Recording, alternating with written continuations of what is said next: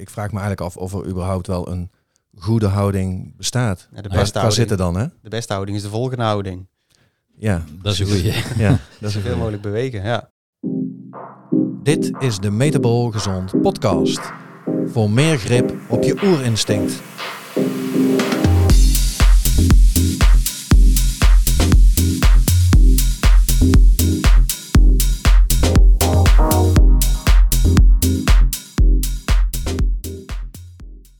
Welkom bij weer een nieuwe aflevering van de Metabol Gezond podcast, waarin wij, therapeuten, de kennis geven om de gezondheid van hun patiënten te verbeteren. Met de podcast willen we zoveel mogelijk therapeuten helpen om hun patiënten gezondere keuzes te laten maken. Niet door te zeggen wat ze moeten doen, maar door kennis over te dragen. Door onze kennisintensieve podcasts heb je een verbeterd inzicht in de achtergrond van de oerinstincten. Door te luisteren krijg je de kennis om je patiënt controle over een oerinstinct te geven en daarmee kunnen zij hun eigen gezonde keuzes maken. Meer te- content krijg je wanneer je abonneert en onze podcast steunt. Kijk hiervoor op www.metabolgezond.nl. Naast de podcast bieden wij ook verschillende e-learnings en skills trainingen aan voor therapeuten. Kijk ook hiervoor op www.metabolgezond.nl. Welkom weer bij een eh, nieuwe aflevering van de Metabolgezond podcast. Ja, goedemorgen, goedemiddag of uh, goede avond, al naar gelang wanneer je naar deze podcast luistert. Ja, en eh, we hebben een aantal podcasts zonder gast gehad, maar vandaag hebben we weer een gast in de studio en eh, dat is Paul Akkermans. Paul, welkom. Dankjewel, welkom. En eh, zoals gebruikelijk starten we eigenlijk als we een gast hebben om de gast te vragen om eh, zichzelf te introduceren. Dus bij deze ga je gang. Ja, dankjewel. Mijn naam is Paul Akkermans. Eh, ik ben in 2011 afgestudeerd eh, op de op- opleiding Gezondheidszorgtechnologie in de richting ergonomisch ontwerpen. En in 2013 de stap genomen om voor mezelf te beginnen met Sit Totaal. Echt gericht op eh, mensen die niet op een standaardstoel kunnen zitten. Eh, hoofdzakelijk gericht op, eh, op het werk, maar ook sta op stoelen en relax voor thuis. Eh, daarbij dus echt mensen de juiste ondersteuning geven waar dat zij dat nodig hadden. Of anderszins aanpassingen aan stoelen om, om mensen dus goed te laten zitten. Maar ik kwam eigenlijk door, de, door de jaren heen steeds meer erachter dat het zitten eigenlijk helemaal niet gezond is. En zeker niet als je dus mensen helemaal in een bepaalde houding gaat eh, fixeren en dusdanig comfort gaat bieden dat ze maar blijven zitten in die stoel. Ehm, ook vanuit eigen interesse rondom gezondheid en beweging eh, ben ik eigenlijk steeds meer dus die kant op gegaan om meer bewegen en om mensen die zittend werk hebben, ehm, om die eigenlijk juist te laten ontzitten. Dus meer in beweging te laten komen en het zitten zo vaak mogelijk te onderbreken. Ehm, en daarbij is eh, comfort eigenlijk een beetje de moderne vijand. Dus we moeten eigenlijk juist wat minder voor comfort kiezen en eh, wat meer gaan bewegen. En dat heeft eh, geleid tot het ontstaan van een eigen balanskruk, de Balergo. Dus om mensen wat actiever te laten zitten en daarom ook meer te laten bewegen. En uiteindelijk heeft dat ook weer toegeleid tot het schrijven van mijn eigen boek, Ontzitten. Minder bewegen, meer zitten voor meer vitaliteit. Ja, het eerste, het eerste wat bij mij, eh, mij opkomt is, wij zijn van achtergrond natuurlijk ook, eh, we zijn ook fysiotherapeut. En ook veel te maken gehad met houdingstherapie. Ja, En eh, ja, dat is natuurlijk, eh, denk ik, niet meer eh, helemaal van nu, volgens jouw visie, toch? Ja, wat bedoel je met houdingstherapie? Dat je mensen inderdaad gaat aanleren hoe dat ze een bepaalde een goede houding moeten aannemen. Ja, ja, ja. Ik, ik heb me wel eens afgevraagd. Ik zeg het ook wel eens tegen mijn patiënten van, ik, ik vraag me eigenlijk af of er überhaupt wel een goede houding bestaat. Ja, de beste qua houding. zitten dan, hè? De beste houding is de volgende houding. Ja, dat is een goeie. ja, dat is een Zoveel goeie. mogelijk bewegen, ja. Ja. Nou ja, ik heb altijd eh, het idee dat, eh, dat ik heb al vanaf het begin dat ik werk het idee gehad, het kan niet zo zijn dat je altijd rechtop moet staan, Het, Ja. eh, want we zijn gemaakt om bewegelijk te zijn. En eh, een slechte houding, zoals de therapeuten dat zien als een slechte houding, is, eh, is net zo goed eh, niet in orde in vergelijking met een goede houding. Want het is gewoon niet de bedoeling dat je altijd in dezelfde houding bent. Nee, de factor tijd is denk ik daarin de Ja. belangrijkste. Want Ja. als je op zich helemaal ingezakt voorover hangt, is het niet direct slecht. Maar als je dat een uur achter elkaar doet, Dat is dan een verhaal. dan is het een ander verhaal. Maar ook met een goede houding inderdaad. Want de beweging is het allerbelangrijkste voor de mens. Hè. We hebben een bewegingsapparaat en geen zitapparaat. Exact. Dus Ja. dan is eh, ook die goede houding voor langere tijd ook niet goed. Nee. Nou ja, patiënten vragen dan in mij inderdaad van, eh, wat is een, eh, een goede houding? Maar inderdaad, het is De veel- volgende houding. De volgende, of in ieder geval eh, is, daar, eh, is daar beweging natuurlijk de sleutel. Maar ja, dat Mhm. had je al mooi gezegd. Nou hebben wij nog niet de gelegenheid gehad om jouw boek te lezen, maar ik neem aan, en als het anders is moet je me corrigeren, dat, dat je een stukje beschrijft vanuit de evolutionaire oorsprong van het bewegen en het bewegingsapparaat. En waarom dat zitten, dus eigenlijk, ja, het wordt al gezegd, het zitten is het nieuwe roken natuurlijk. Mhm. Eh, maar waarom dat, dat eigenlijk op langdurige termijn eh, schadelijk kan zijn voor je, voor je lichaam. Ja, inderdaad. Het, begint, het is opgebouwd in, eh, in zeven hoofdstukken, het boek. En het begint ook een stukje over het zitten. Wat zitten nou precies is. Over kenmerken van ons zitgedrag. hoe dat we zitten. En eh, door het boek heen komen we er steeds meer achter van dat we er steeds meer zijn gaan zitten. Hoe dat, dat komt en eh, wat daarvan de schadelijke gevolgen zijn. En hoe dat je dat dus kunt, eh, kunt omdraaien. Maar ook een stukje ergonomie en arbo komt erin voor. Mhm. En dat is op zich wel interessant, want ergonomie is, eh, is onder andere ooit ontstaan om de gezondheid en het doeltreffend functioneren van mensen te bevorderen. Mhm. Maar iemand acht uur op een bureaustoel met volledige ondersteuning voor een beeldscherm zetten, dat bevordert die gezondheid totaal niet natuurlijk. Dus wat dat betreft een ergonomische bureaustoel, hè, ergonomisch is sowieso niet beschermd. Ergonoom daarentegen wel, maar een, je mag alles ergonomisch noemen. Mm. Daar gaat het ook nog heel vaak mis in de praktijk. Maar als je dus zegt van ik heb een ergonomische bureaustoel, ja, wat, wat bedoel je daar precies mee en wat wil je daarmee bereiken? Want als je daar de hele dag op gaat zitten, dan ben je zeker niet goed bezig. Ook al denken heel veel mensen van wel. Dus, dus eigenlijk is een houten kruk het meest ergonomisch. Ja, eigenlijk inderdaad wel, ja.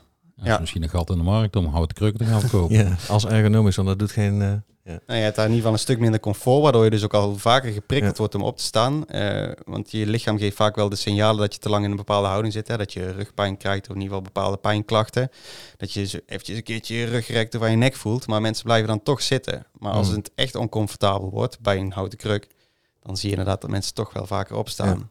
En je, je noemde net in het begin al van eh, eh, de reden dat mensen dus zijn gaan zitten. Mhm. Hoe komt dat volgens jou? Ehm, nou, in ieder geval, de, de laatste jaren is er steeds meer eh, ingezet op, eh, op gemak en comfort. Hè? Met de robot, stofzuigers, robot, grasmaaiers, eh, elektrisch, alles elektrisch bedienbaar met een afstandsbediening.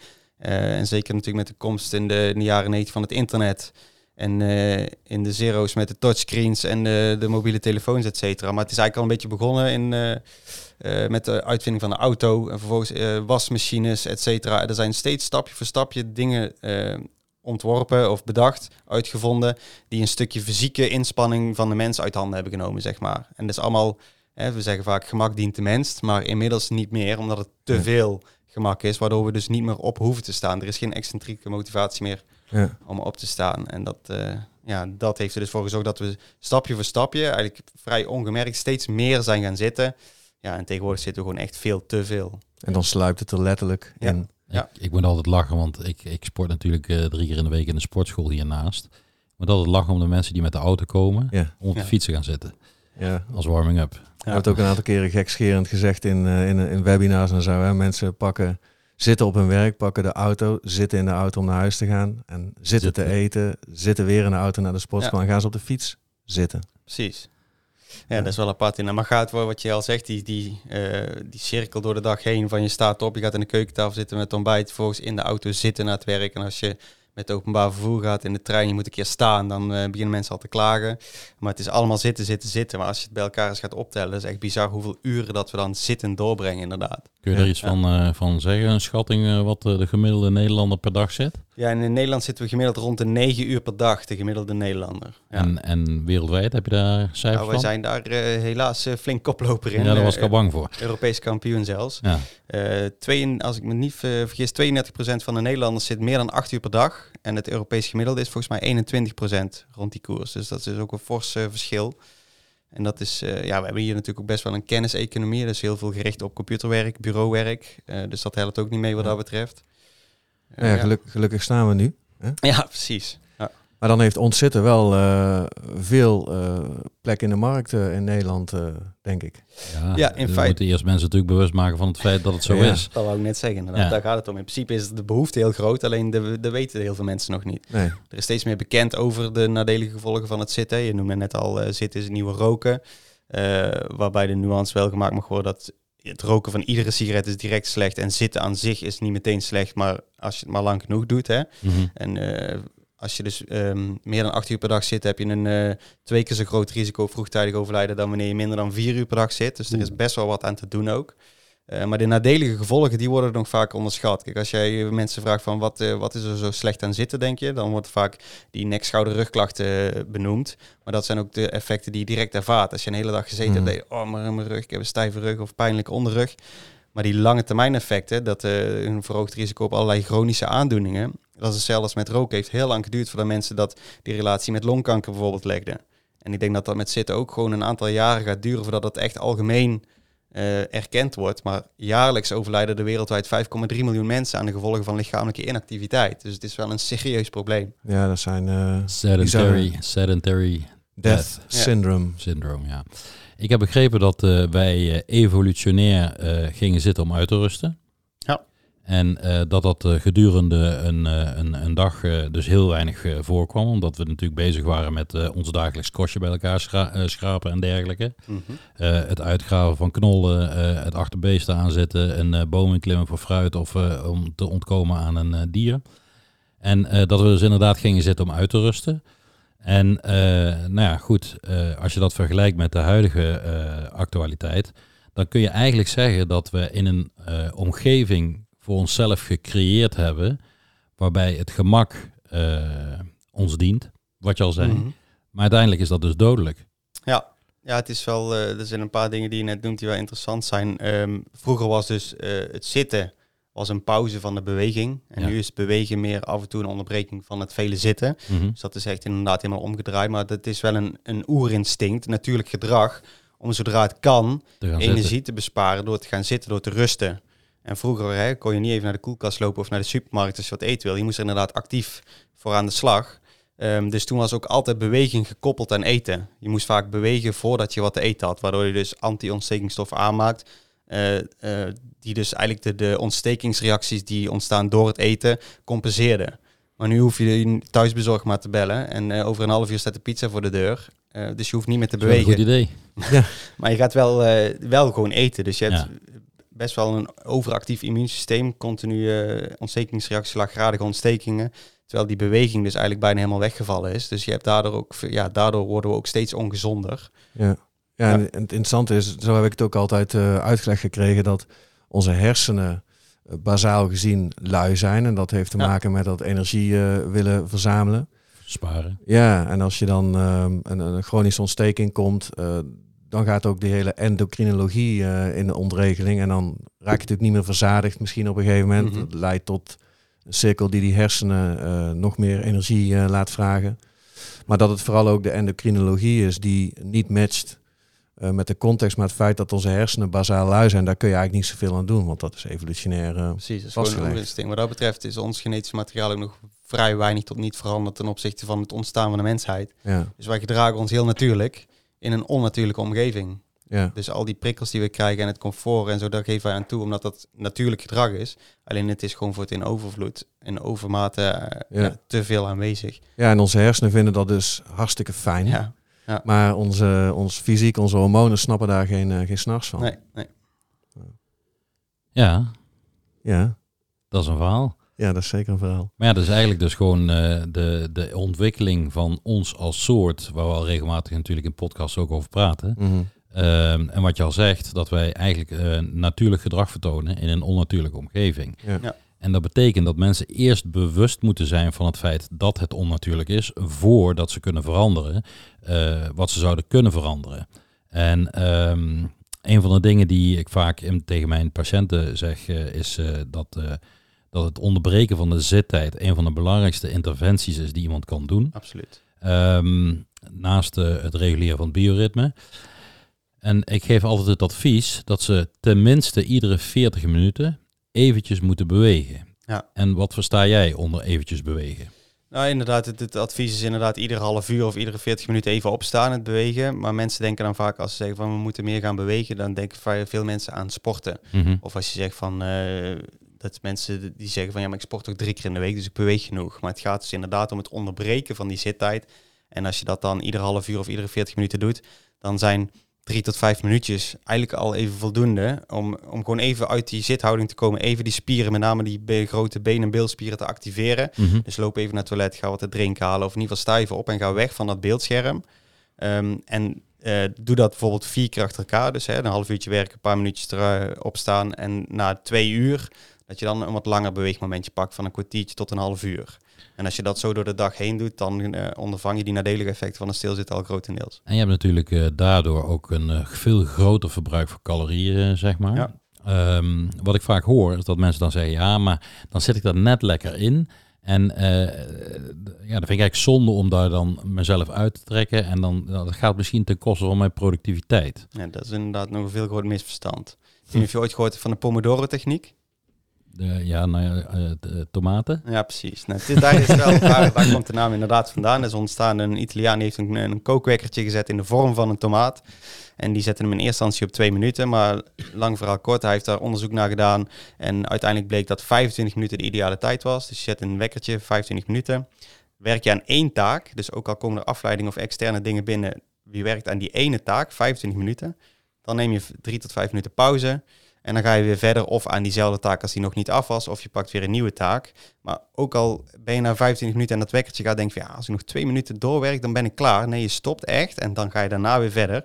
En dat is gewoon bewezen, draagt dat enorm bij aan je productiviteit, aan je creativiteit, maar dus ook aan je energieniveau aan het eind van de dag. Die vier uur kuppensoep, die heb je niet meer nodig, want je hebt, omdat je dus veel meer in beweging komt, Ja. ehm, ja, is je doorbloeding en je zuurstofopname, et cetera, is gewoon veel beter, waardoor je ook aan het eind van de dag nog die energie hebt om die taken af te maken en die creativiteit te behouden. Dus Ja, nou daar is eigenlijk ook geen excuses voor. Nee, nee. Nou ja, er is dus wetenschappelijk bewijs dat Ja. je productiviteit er niet onder leidt Nee. als je je zittijd onderbreekt. Ja. Sterker nog, er is wetenschappelijk bewijs dat als je je zittijd onderbreekt, je productiviteit zelfs omhoog gaat. Maar dat is ja, contra-intuïtief, zeg maar. eh, en, dat, en dat geeft dus aan Mhm. dat je dus eigenlijk je hersenen niet kan vertrouwen. Want ja, je hersenen zijn natuurlijk van, van nature eh, lui, die willen energie sparen. En eh, dus je moet daar echt bewust een keus maken om het anders te doen dan dat je gedaan hebt. Ja. En als je dat gaat doen, dan ga je merken dat inderdaad, ehm, ja, wat je al zegt, je creativiteit, je flexibiliteit, eh, je, je energie en, en dergelijke een stuk gaat verbeteren. Dat komt dus met name omdat als we stilzitten, dan komt ons eh, lichaam eigenlijk een beetje in een rusttoestand. Hè? Dus alleen het bazaal metabolisme dat werkt eigenlijk nog. En voor de rest is er weinig activiteit. Eh, dus ook die bloedsomloop en de zuurstofopname die wordt allemaal Ja. beperkt. En zeker als je dan nog een beetje in een verkeerde of ingezakte houding zit, krijg je longen ook niet de volledige ruimte om goed die eh, hele zuurstof op te nemen. Waardoor dus uiteindelijk, want je hersenen hebben gewoon echt zuurstof nodig om goed te functioneren, om creatief te blijven. Daarom komen er ook vaak goede ideeën op als mensen gaan wandelen. Wandelend vergaderen is ook gewoon echt eh, heel eh, productief. Gaan we zo doen, hè? Ja, wij eh, recent ook wederom ondervonden dat dat supergoed werkt. Ja. ja. Ja. Nou, wat ik ook wel grappig vind aan de andere kant, we hebben het natuurlijk nu steeds over te weinig bewegen ook, of in ieder geval daar hebben we het over gehad.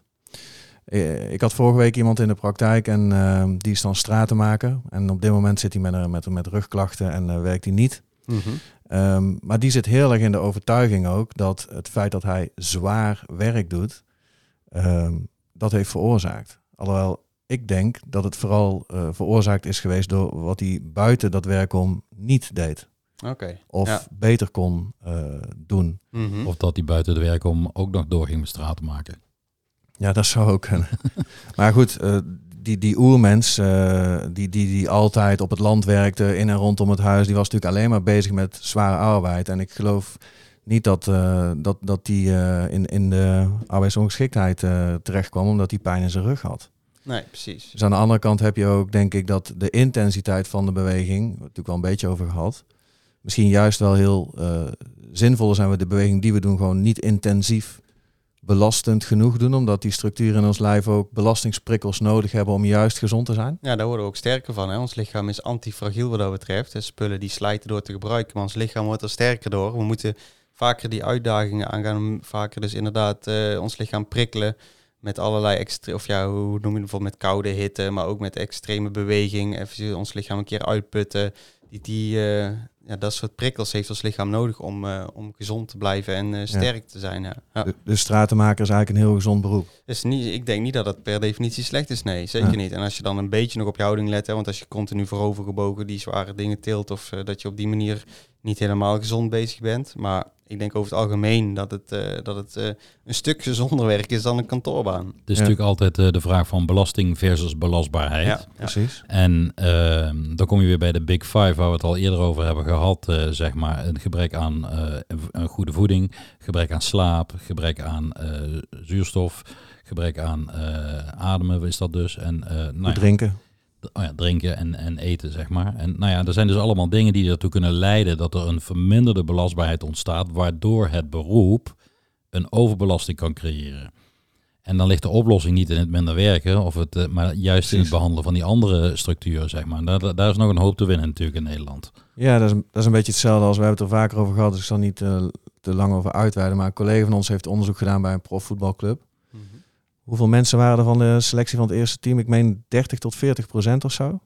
Volgens mij veel hoger. Veel hoger? Volgens mij zitten we rond de 98% zelfs, die, eh, als je tenminste richting insulineresistent gaat. Ja, ja, er waren in ieder geval ehm, in, in, in dat, dat team wa- was volgens mij 40 procent, maar het gaat om principe, eh, bleek ehm, uit onderzoek insulineresistent te zijn. En ook een grotere gevoeligheid hebben voor allerlei eh, lichamelijke letsels en dergelijke. Maar ja, het waren profvoetballers. Hè? Die, die zijn toch gezond en fit en, en Ja, dergelijke. bewegen veel, Ja, bewegen veel, maar trainen, ja, wedstrijden. ja, dagelijks. Maar eh daarbuitenom eh hadden ze vooral aandacht voor de PlayStation. Ja, dus ik wou net zeggen, als je die beweegmomenten zelf, dat is gezond. Maar als ze daar buitenom nog steeds veel zitten, loop je net zoveel risico. Dat is wel grappig. Mensen met een kantoorbaan, die, eh, die dus gewoon bijvoorbeeld acht uur achter elkaar zitten op hun werk. ehm, en niet sporten, die lopen net zoveel risico op de nadelige effecten dan mensen die het dagelijks sporten daarnaast. Het gaat echt om dat onderbreken van Dat het zitten.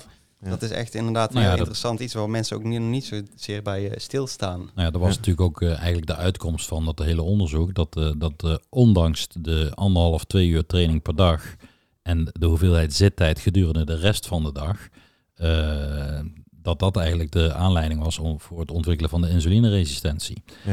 En we hebben vorige week natuurlijk, eh, eh, eh, of twee weken geleden is dat inmiddels een podcast gehad over eh Achillespeesklachten en insulineresistentie. Ja. En dat was eh, podcast nummer 51, want dit is nummer 52 als ik het uit mijn hoofd goed zeg. In ieder geval kun je al onze podcasts vinden op uh, www.metabolgezond.nl onder de podcast. Ehm, en en uh, ik denk dat ook, ook nu weer eigenlijk wel goed naar voren komt dat het niet leven volgens onze genetische oorsprong Ja. leidt tot risicofactoren voor allerlei klachten en aandoeningen. Ja. En nou ja, we zijn natuurlijk allebei opgeleid als fysiotherapeut, daarna osteopathie en daarna hebben we kinesiologie gedaan en KPNI gedaan. En, en wij zijn ook steeds verder weg van het idee dat uh, een klacht behandeld moet worden op de plek waar die klacht is. Ja. Um, en eigenlijk is het symptoom nooit het echte probleem. En uh, nou ja, dat is natuurlijk wel lastig om, om uh, in de praktijk te veranderen. Vandaar dat wij in januari 2023 gaan starten met een, ja. Met een leefstijl, een opleiding voor leefstijl in de fysiotherapiepraktijk bij uh, Physio Education and Science. Ja. Het is al te vinden op de website van Physio Education and Science. Uh, nou ja, in ieder geval denk ik dat daar ook heel veel kennis ontbreekt. Zelfs bij professionals uh, die mensen dagelijks of wekelijks of maandelijks terugzien voor hun klachten. Um, is, er, is er een... Is er een Jij, je noemde net al een aantal uh, andere onderbrekingen, uh, niet alleen van zittijd, maar ook andere prikkels zoals hitte en koude en intermittent vasten en, en intermittent ja. drinken als, uh, als goede prikkels. waarom zijn dat eigenlijk goede prikkels? Omdat we dan ons lichaam uit de comfortzone halen, zeg maar. Dus we krijgen, het is goed om af en toe wat honger met intermittent fasting te creëren. Of inderdaad een keer die koude douche of een ijsbad. Of een keer in de sauna. Dat soort dingen, daar wordt ons lichaam gewoon weerbaarder van. En als je Mhm. altijd maar in die comfortzone blijft, dat het maar allemaal maar lekker en fijn en comfortabel is, dan worden we eigenlijk steeds zwakker van. Ons Ja. lichaam heeft die uitdagingen nodig, die prikkels nodig om, om gewoon eh, ja, daar, eh, die weerstand, eh, daar worden we sterker van. En het zijn natuurlijk prikkels die wel in de context van Homo sapiens passen. Omdat dat ook, ik, ik heb het wel eens genoemd, de top 5 doodsoorzaken aller tijden. Dat is ook wel leuk als je dat zo eens vraagt. Uh, ik in mijn geval dan aan een patiënt bijvoorbeeld. Van wat, wat denk je nou dat de mens het meest aan is overleden ooit? En dan krijg je antwoorden hart- en vaatziekte of diabetes of kanker. Ja, dat is, dat, is, dat is nog zo recent allemaal. Mhm. Ja, het zijn infecties. Ja. En het zijn uh, van koude en van, van hitte. Langdurig, en van, langdurig. Ja, en, en van zuurstoftekort en, en dergelijke. en daarom zijn die prikkels ook natuurlijk zo interessant. Omdat Als je een ze, kwartier niet ademt, dan uh, komt het niet goed. Nee. dat komt niet goed. Maar die, daar heb je programma's voor. Ja. En dus dat- daar heb je een reactie op die... ehm, Wij hebben evolutionaire programma's geprogrammeerd in ons DNA Ja. die ons eh, resilient maken tegen deze prikkels. Maar dan moeten we ze wel hebben, die prikkels, Ja. want anders verliezen we onze resilience. ja, precies. En dan worden we van Homo sapiens fragilis naar, oh nee, van robustus naar Homo sapiens, fra- eh, sapiens fragilis. En we worden dus breekbaarder en we kunnen hem steeds minder hebben. En je zit eigenlijk op een, op een, eh, een helling die je alleen maar naar beneden voert. Het immuunsysteem wordt er inderdaad sterker van al die prikkels, hè, met koude, eh, dat soort dingetjes en honger. Dat, eh, want als je te veel, te vaak eet, dan staat het immuunsysteem continu aan. En als je dat dus langere tijd uitschakelt, die, daardoor wordt het immuunsysteem uiteindelijk sterker van, ook met die koude trainingssauna's, et cetera. En dan kunnen, zijn we dus ook beter bestand tegen infecties, et cetera. En als er dan een keer een oppervlakkig aan de buitenkant, de wonden of wat dan ook ontstaan, dan kunnen we dat veel beter aan. Ja, zo hebben wij het eh, recent eh, een congres gehad over eh, eh, de ziekte van Lyme en over eh, long covid. En daarin kwam ook naar voren het, Het uh, long covid is het eh, post-acute. ja, eh, zeg het maar, covid syndrome. Ja. Ja. Ja, dus want heel veel mensen horen long covid en denken dat het over de longen gaat, maar het gaat over Dat je langdurig covid-klachten houdt. precies. Ja, ja. Dat wordt, eh, Engels, long en covid. ja, precies. Misschien Ja. is het wel dubbel bedoeld, maar in eerste instantie eh, Ja. voor langdurig. En daar kwam naar voren dat er eh, het, de rol van het Adaptive Behavioral Immune System, wat zoals eh, Leo Pruimboom daar op het congres mooi noemde, de verlengde arm van je immuunsysteem, die dus de zintuigen ook eh, bevat. En met die zintuigen proef je, ruik je, de huid eh, pakt natuurlijk koude warmte prikkels. Eh, dus dat we dat systeem, jij noemde net het immuunsysteem, met die prikkels ook nog eens extra informatie voorzien om Mhm. te kunnen registreren. Maar je ziet ook dat die mensen met, met, met long covid verlies van geur en smaak hebben en Ja. dergelijke. En dat juist een van de best werkende therapieën is om weer te gaan leren ruiken. Dat je daarmee ook je immuunsysteem uit die chronische activatie trekt. Oké, interessant. Ja. Ja, wat interessant is daarbij is ook dat, eh, dat, dat, dat Leo Pruimboom het inderdaad had over die Big Five waar we net al over hadden. Ehm, en, en dat je ziet dat mensen die dus in comfort zijn, eh, vatbaarder zijn voor ehm, allerlei eh, besmettingen. Hè, dus ook voor COVID en Mhm. ook voor Lyme, zeg maar. Ehm, en dat, dat vooral ehm, ja, het gebrek aan uit, fysieke uitdagingen je dus breekbaarder, fragilis maakt, zeg maar. Waardoor je eh, inderdaad eh, nou ja, ten, ten prooi kunt vallen aan long-covid klachten.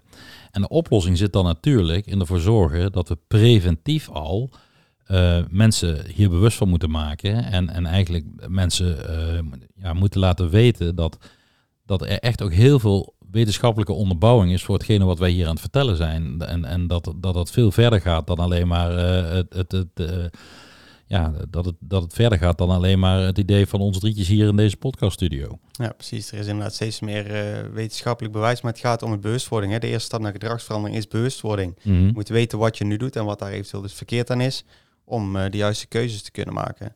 En ik denk dat ook een groot probleem eh, van de moderne geneeskunde is dat het voornamelijk gericht is op symptoombestrijding. Je hebt daar klachten, dus daar ga je het aanpakken. Ja. Wat je net al zei, dat het vaak een onderliggende oorzaak is en die Mhm. met leefstijl vaak heel goed eh, aan te pakken is. Maar dan moeten we wel weten en dan moeten we wel eh, ja, bewuste keuzes in maken. Ja, misschien moet er dan zelfs gewoon een hele verandering komen van het zorglandschap. Want het is nu natuurlijk zo dat je met klachten naar de huisarts gaat. En ik denk niet dat de huisarts per se in zijn opleiding geneeskunde hier kennis over heeft opgedaan. En dat is niks ten nadele van, huis, van, van een huisarts, eh, zeg maar. Maar als die daar niet interesse in heeft, is die daar ook gewoon niet goed in geschoold. En misschien is dat dus niet de juiste persoon om bij klachten eh, eh, een therapievoorstel te doen. Nou, in ieder geval niet, zoals we vaker hebben gezegd, bij, bij chronische klachten. Mhm. Nee. Bij acute problematiek denk ik dat we de geneeskunde als heel waardevol moeten beschouwen. Ja. Ja, jij bent er vandaag een goed voorbeeld van. Ja. Ehm, ja, zo zit dat denk ik. Nou, En ik denk dat ook nog wel een beetje een probleem is in de, de huidige geneeskunde, de, het verdienmodel. Ziekte Ja. is, eh, is een verdienmodel en gezondheid niet. En Een huisarts schrijft liever een bepaald recept voor dan dat hij zegt van joh, je moet meer groente gaan eten en wat vaker uit je stoel komen. Het is wel grappig dat je dat zegt. Mijn eh, broer zit in de huisartsenzorg. Die eh, zit in de digitalisering. En eh, wil graag dus eigenlijk... eh, Dat is eigenlijk- wel grappig dat die in de digitalisering zitten, want dan kunnen mensen in hun stoel blijven zitten om een dokterconsult te doen. ja, dat klopt. Dus meer comfort. Ja, zeker waar. Maar er zit nog iets aan vast. En- Want met die digitale mogelijkheden zijn er ook apps... die als het goed is je weer wat meer eh, gaan mobiliseren. Mhm. Maar ik was op een, eh, een, een congresdag van zijn eh, bedrijf en daar sprak een arts en die vertelde dat er een app is om je slaap te monitoren. En daar hebben ze van onderzocht hoe effectief die is. En eh, die app die was net zo en, en leek zelfs iets effectiever dan voorgeschreven slaapmedicatie. Nagaan. Ja, en dat, dat weten dus al die huisartsen, want die komen op zo'n congres en dergelijke. Dus het wordt daar gepresenteerd.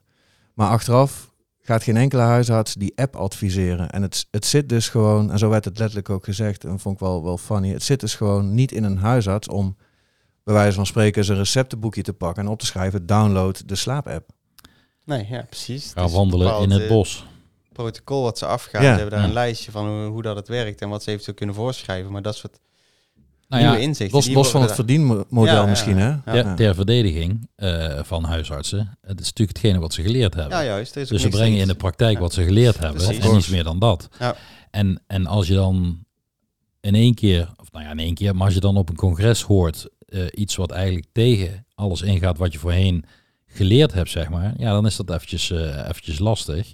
En misschien moeten ze het vijf of zes of zeven keer horen eh, voordat ze er daartoe overgaan om dat inderdaad voor te schrijven. Dat zou heel goed kunnen. Ja. ja, nou ja, dat zal de tijd leren. Ja. Eh, maar dat was wel het idee van het congres om eh, daar een, een soort van eh, deep learning te geven over hoe dat nou zit. Want als dat kwartje tien keer eh, valt, dan wordt die connectie in dat brein misschien een keer gemaakt Ja, als er een patiënt voor zijn neus zit. hè. herhaling. Ja, de kracht van herhaling. Ja. Ja. Ehm, ik wil eigenlijk nog vragen, want je, hebt, je had het net over zeven hoofdstukken in je boek. Mhm. En we zijn natuurlijk begonnen met het evolutionaire eh, eh, eh, zitten, wat we dus heel weinig deden. En, en dat, dat dat comfort dus eigenlijk toe leidt dat, dat we nu steeds meer zitten en steeds langer zitten. Wat uiteindelijk leidt tot fysieke problematiek. Ehm, waar, waar, dat, is, is dat in vogelvlucht de zeven hoofdstukken? Of, of zeg je Nee. van, ik, heb, ik heb nog iets specifieks daar ingeschreven? Nou, ik heb ook nog een hoofdstuk speciaal gewijd aan actief zitten. Ehm, want we- je kunt zitten en je kunt zitten. Als je dus op een comfortabele, volledig ondersteunende stoel, bank, eh, bureaustoel zit, dan is het, eh, ben je veel minder eh, snel geprikkeld om op te staan. En de zithouding zelf is ook gewoon ja, passief dus, waardoor dat je dus veel minder spieractiviteit hebt. En als je daarentegen actief gaat zitten, dus op die eerder benoemde houten kruk of op een balanskrukje, waardoor je jezelf continu eigenlijk in balans moet houden, waardoor je kleine spiercorrecties maakt om, om recht te blijven zitten. En waardoor je automatisch ook een meer open zithouding hebt met een grotere knie- en heuphoek, waardoor dat je eh, organen meer ruimte krijgen om goed te kunnen functioneren. Dan, eh, dan zit je dus op, al op een gezondere manier en je wordt vaker eh, en sneller ge- geprikkeld, gestimuleerd om op te staan. Dus het zitten zelf is op die manier al veel gezonder. En je beweegt makkelijk automatisch meer zonder dat je daarbij na hoeft te denken. En omdat we dus buiten ons werk om al zoveel zitten, op stoelen, banken, overal om ons heen, is eigenlijk gericht op comfort. Ook thuis, s'avonds weer op de bank of in de autostoel, noem maar op. Zou het eh, mooi zijn als we dus op het werk, achter, die bureau, eh, achter het bureau, eens een balanskruk of een andere kruk neerzetten. Waardoor dat je dus eigenlijk, zonder dat je daar bewust bij na hoeft te denken, al meer beweegt en gezonder zit. Dus dat, eh, daar heb ik ook een hoofdstuk aan bij. Maar moet je nagaan vroeger, toen we dus nog gingen zitten in de oertijd om, ons, om, om die rust te pakken, Mhm. waren er geen stoelen en banken met al het comfort. Dan ging je op een, op een boomstam zitten of op een, op een kei. Dus daardoor zat je eigenlijk ook automatisch actief. Dus dat was een heel andere manier van zitten. Maar we hebben nu te veel comfort, waardoor het zitten eigenlijk nog ongezonder is. Nu vertelde jij uh, net uh, jouw achtergrond en jouw opleiding. En heb je vast een oplossing voor bedacht uh, voor dat uh, actief zitten? Ja, ja dat inderdaad het idee, de, een balanskrukje. Het was voor mij uit, want je hebt er verschillende oplossingen over op de markt. Er zijn ook een aantal bekende, grotere jongens op de markt. Um, maar ik vond het uh, vooral ook heel belangrijk dat het uh, betaalbaar was voor iedereen. Dat is dat je eigenlijk ongeacht je portemonnee gebruik kon maken van de voordelen van het actief zitten. Want het, is eigenlijk uh, in de basis gewoon een simpel krukje met een zitting die beweegt. Dus die gewoon flexibel is ten opzichte van het onderstel. En dan kun je, een, uh, als je het belangrijk vindt dat je een bepaald kleurtje hebt of een bepaalde uitstraling voor het onderstel, dan kun je daar meer aan uitgeven. Maar in de basis is het model, het functionele van de kruk is voor iedereen hetzelfde. Uh, en dat vond ik dus inderdaad belangrijk. En om daar rondomheen het, het, het verhaal ook beter op de markt te brengen. Dus daar heb ik inderdaad een eigen balanskruk voor ontwikkeld. Ja. En, en waar kunnen mensen die vinden? Dat kan op uh, balergo.eu. En Balergo is samengesteld uit balans en ergonomie. Aha. En uh, balergo.eu was uh, gisteren onze duizendste volger op Instagram. Ja. En uh, nou ja, je ziet het wel. Als je de duizendste volger bent, dan word je uitgenodigd voor een podcast. Ja, ja Zo dus... snel kan het gaan. ja. Hey, wat ik me ook nog uh, afvroeg, dat, dat kwam net even in, in mijn hoofd op, is het aspect sociaal met anderen bewegen. Mhm. heb, heb, jij daar ook, uh, is, is dat een factor die jij ook kent, meeneemt, integreert?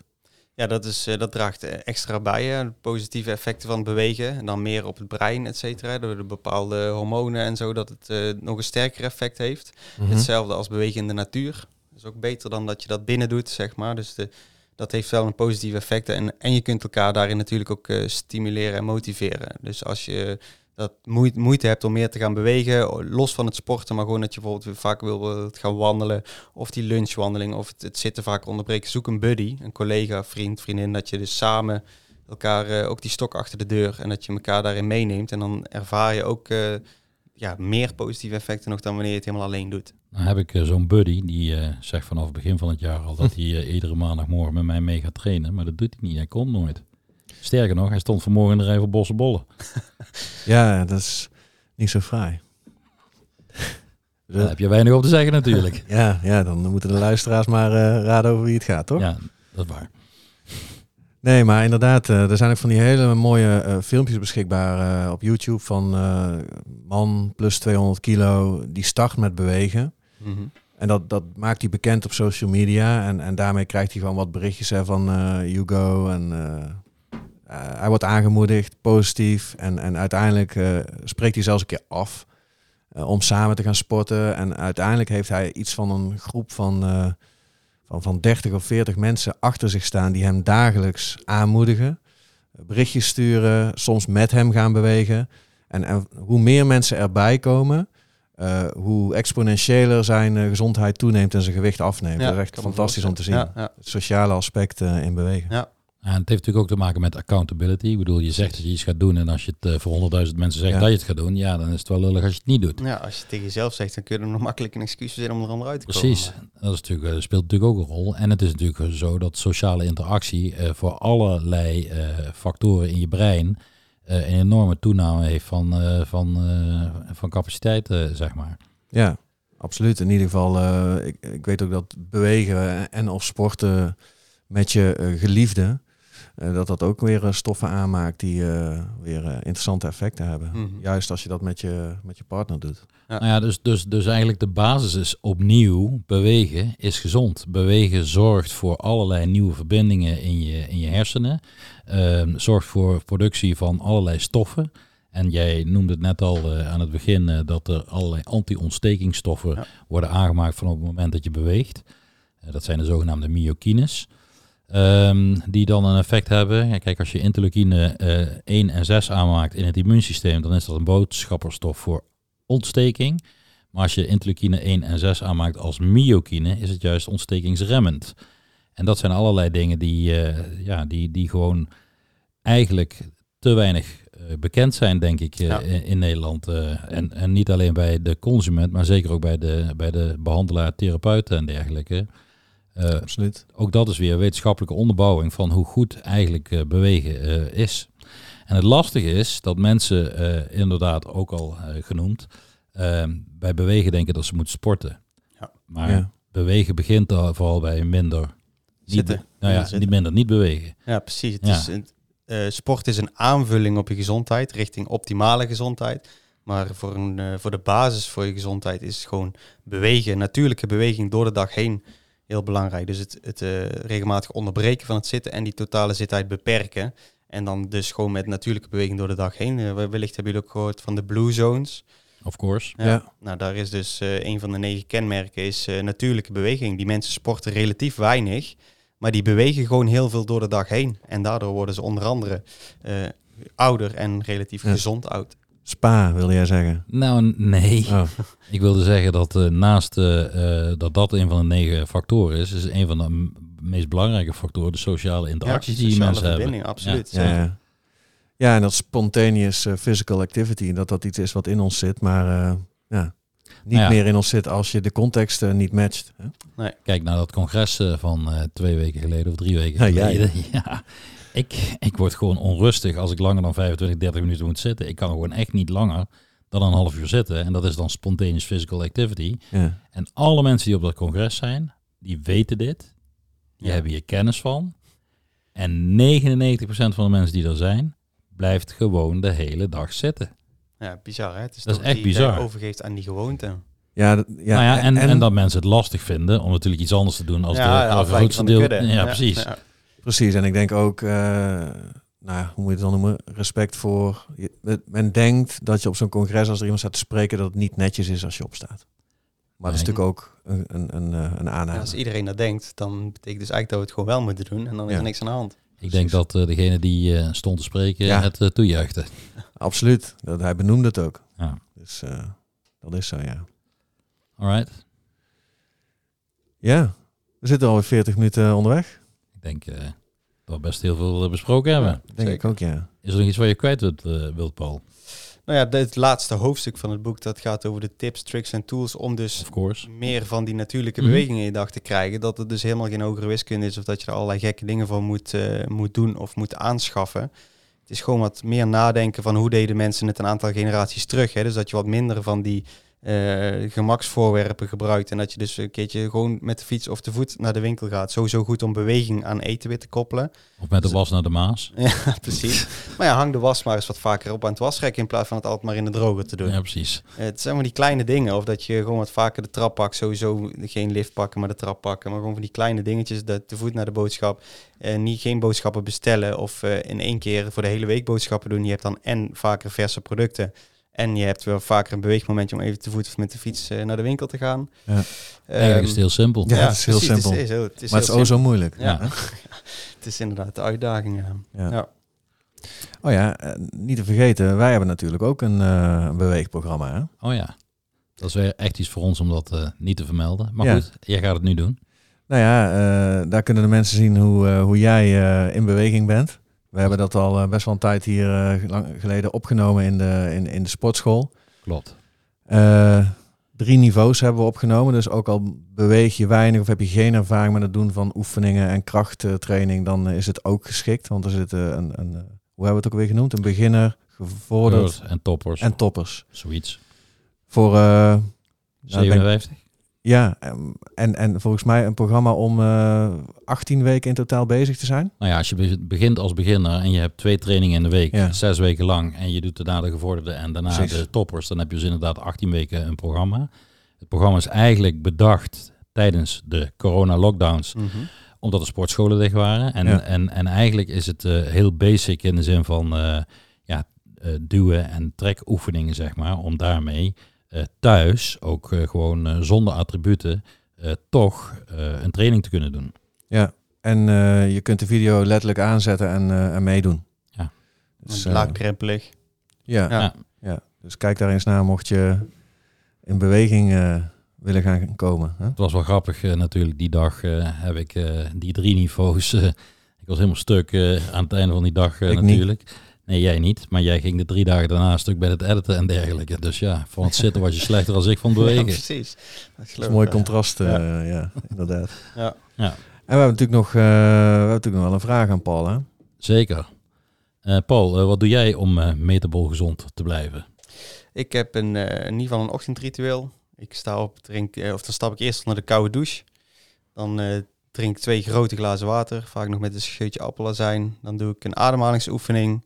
En dan ga ik vaak eh, sporten of een stukje krachttraining doen of eh, hardlopen. Dat doe ik gewoon zelf thuis. En dan, eh, dan ga ik nog lezen. Dus ook nog een stukje aan mentale ont- of, of ja, geestelijke ontwikkeling. Absoluut. Ehm, en dan begint eigenlijk mijn dag pas. Dus dan... En moet je daar de wekker voor zetten? Ja, die moet ik daarvoor wel zetten, rond half zes, kwart voor zes. Maar ik ga ook s'avonds gewoon vroeg naar bed. Ik, eh, s'avonds gaat de telefoon vaak op vliegtuigstand. Eh, weinig tot geen schermpjes meer. Telefoon sowieso niet. Af en toe een keer misschien een tv kijken, maar dat doe ik ook niet veel meer. En overdag dus zoveel mogelijk, eh, practice what you preach, zoveel mogelijk die natuurlijke beweging. Het zitten zo vaak mogelijk onderbreken. Eh, een keertje naar buiten wandelen, noem maar op. Maar gewoon in ieder geval dus die beweegmomentjes pakken. Dus ik haal dagelijks ook wel die 10.000 stappen. En ik Ja. let heel erg op mijn voeding. Eet bij twee maaltijden per dag eet ik mijn groentes. en ik eet ook maar drie keer per dag. En zo heb ik dat stap voor stap. Dat heb ik natuurlijk niet allemaal tegelijk op die manier gaan doen. Maar zo iedere keer dingetjes erbij gepakt om uiteindelijk aan mijn optimale gezondheid te werken. Nou, is een van de dingen natuurlijk het eh, intermittent eh, leven. Mhm. En ehm jij doet iedere dag, doe je dit? Ja. Zeven dagen in de week. In het weekend heb ik af en toe wel een uitzondering, maar dan probeer ik daar wel zoveel mogelijk van dat eh, ritueel te behouden. Op zaterdag is de enige dag dat ik niet sport 's morgens, maar dan heb ik eigenlijk door allerlei klusjes in en om het huis toch eh, voldoende beweging. Eh, dat is eigenlijk ook voor veel mensen, ja, dat is ook al gewoon heel gezonde beweging, gewoon in en om het huis te klussen. Beetje in de tuin straten werken. maken. Ja, bijvoorbeeld. Beetje vrezen. Ja. Ja, dus eh, door de week heb ik in ieder geval altijd wel dat programma en in het weekend laat ik dat wel iets losser, want het moet natuurlijk ook Ik- geen moedje zijn. Ik denk dat dat gezond is. Ja, absoluut. Denk ook. Ja. Alright. Eh, Quote. ja, de quote. Nou ja, ik heb daar wel een beetje over nagedacht het hele weekend. Maar eigenlijk is het heel simpel. Als je het niet meer ziet zitten, ga dan gewoon staan. Hele mooie. Ja, laten we daarmee afsluiten. Paul, bedankt. Dankjewel, gedaan. Paul. Jullie bedankt. En, eh, oh, nog één dingetje. Want ja? mensen die dit horen, die willen misschien wel dat boek bestellen. En waar kunnen ze dat boek eh, vinden, Paul? Dat kan op eh www.paulakkermans.nl. Duidelijk. Daar is alles ja, we zullen het ook nog eventjes in de beschrijving eh, zetten. Dan kunnen mensen het altijd even terugvinden. Top. Top. Dankjewel. Ja, voor de luisteraars, eh, Tot over twee weken. tot over twee weken. Deze podcast werd mede mogelijk gemaakt door Metabol Gezond.